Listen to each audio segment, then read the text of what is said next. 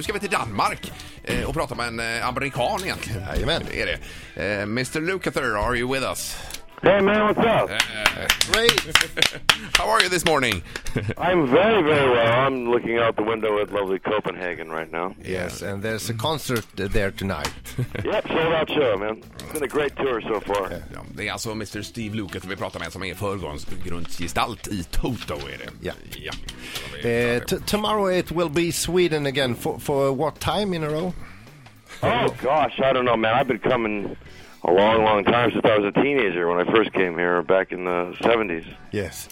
late 70s. wow, that that seems a, a long time ago now, but I, I have a love affair with Sweden. I love Sweden. How come, uh, do you think you have had such a huge success in Sweden and uh, the Nordic countries as don't well? know. You know, when things are really good, I tend not to question them. We, I mean, I, I, it's one thing I've learned as I get older is like, you know, when things are good, don't don't try to find any bad. In No. it, you know? Just go with the flow. Yeah, man. You know, what's really amazing to me is that after 35 years, we could still come back and and play, and people show up. I mean, this has been an incredibly successful tour, surprisingly young audience, and the band is firing on uh, full on. I don't think the band's ever sounded better. So, um, with the exception of missing Mike and Jeff Porcaro, uh, band's probably the best it's ever been. So, we're uh, we're very happy and excited and very motivated and energized and uh, feeling good about everything. But uh, can, can it be so that uh, we're Nordic people have very good taste? Yes, you do. Yeah.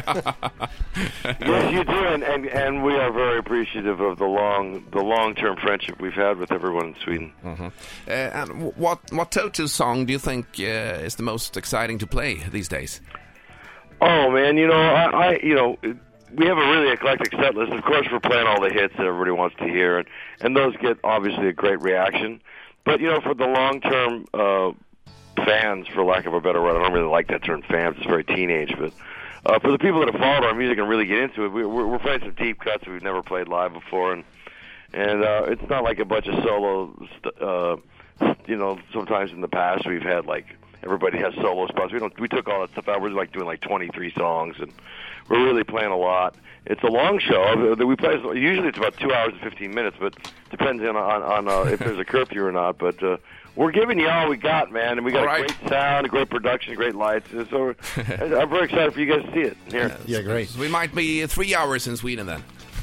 You might be. Yeah. Might be. Uh, Is that correct that the song Africa, you didn't believe that was going to be a hit from the beginning?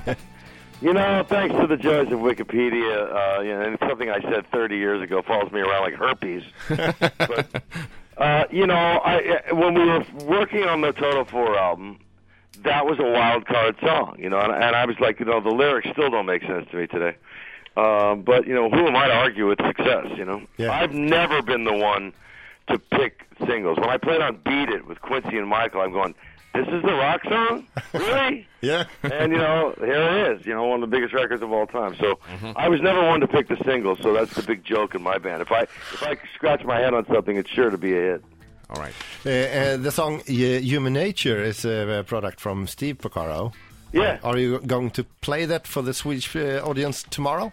Uh, you know, we played it last year. I, I, I, that's not on the set list this year. You know, we keep trying to change stuff like that. Uh, that's classic. That's basically a Toto song with all of us playing on it and arranging it uh, with Michael singing. Yeah. Uh, we had a lot to do with that Thriller record, but uh, nobody really mentions that much. I know. I know. Uh, so, so where are you playing in Copenhagen tonight? uh, the Falconer Theater. It's a, Yeah. it's like a big theater. All right. And then uh, So, uh, that'll be Stenungsbaden in Sweden tomorrow. Yes, we are. Ett poddtips från Podplay. I podden Något Kaiko garanterar östgötarna Brutti och jag, Davva, dig en stor dos skratt. Där följer jag pladask för köttätandet igen. Man är lite som en jävla vampyr. Man har fått lite blodsmak och då måste man ha mer. Udda spaningar, fängslande anekdoter och en och annan arg rant.